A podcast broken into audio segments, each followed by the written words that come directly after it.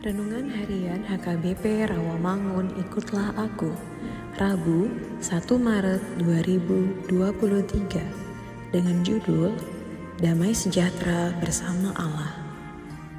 Bacaan kita pagi ini tertulis dalam 1 Korintus 14 ayat 13 sampai 25 Bacaan kita malam ini tertulis dalam Markus 8 ayat 33 sampai 37 dan kebenaran firman Tuhan yang menjadi ayat renungan kita hari ini tertulis dalam Yesaya 65 ayat 25 yang berbunyi Serigala dan anak domba akan bersama-sama makan rumput.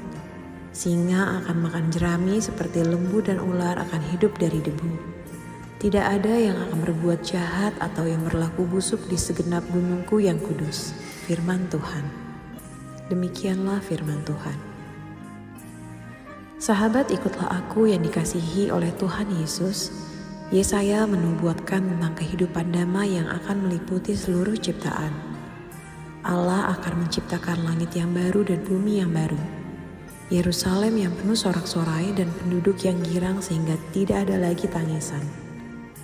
Yerusalem baru menjadi tempat bagi orang yang sehat, berumur panjang dan makmur, yang menandakan berkat dan kehadiran Allah.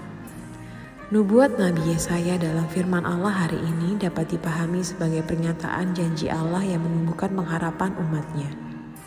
Nubuat tersebut juga dapat dipahami sebagai pernyataan kehendak Allah agar manusia terus mengupayakan damai sejahtera.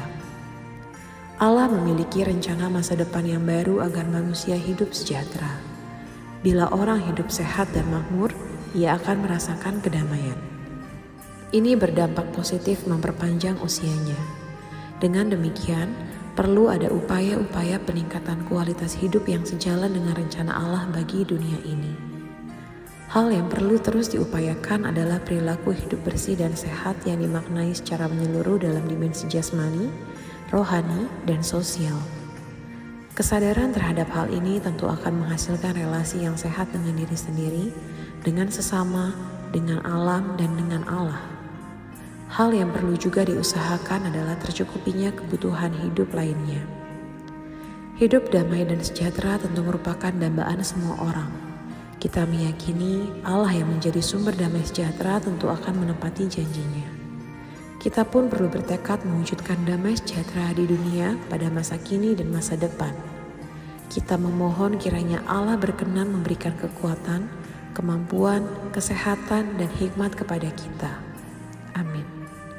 Marilah kita berdoa, Ya Tuhan Allah Bapa kami, jadikan kami sebagai perwujudan nubuatan Allah sebagai pembawa damai sejahtera. Amin.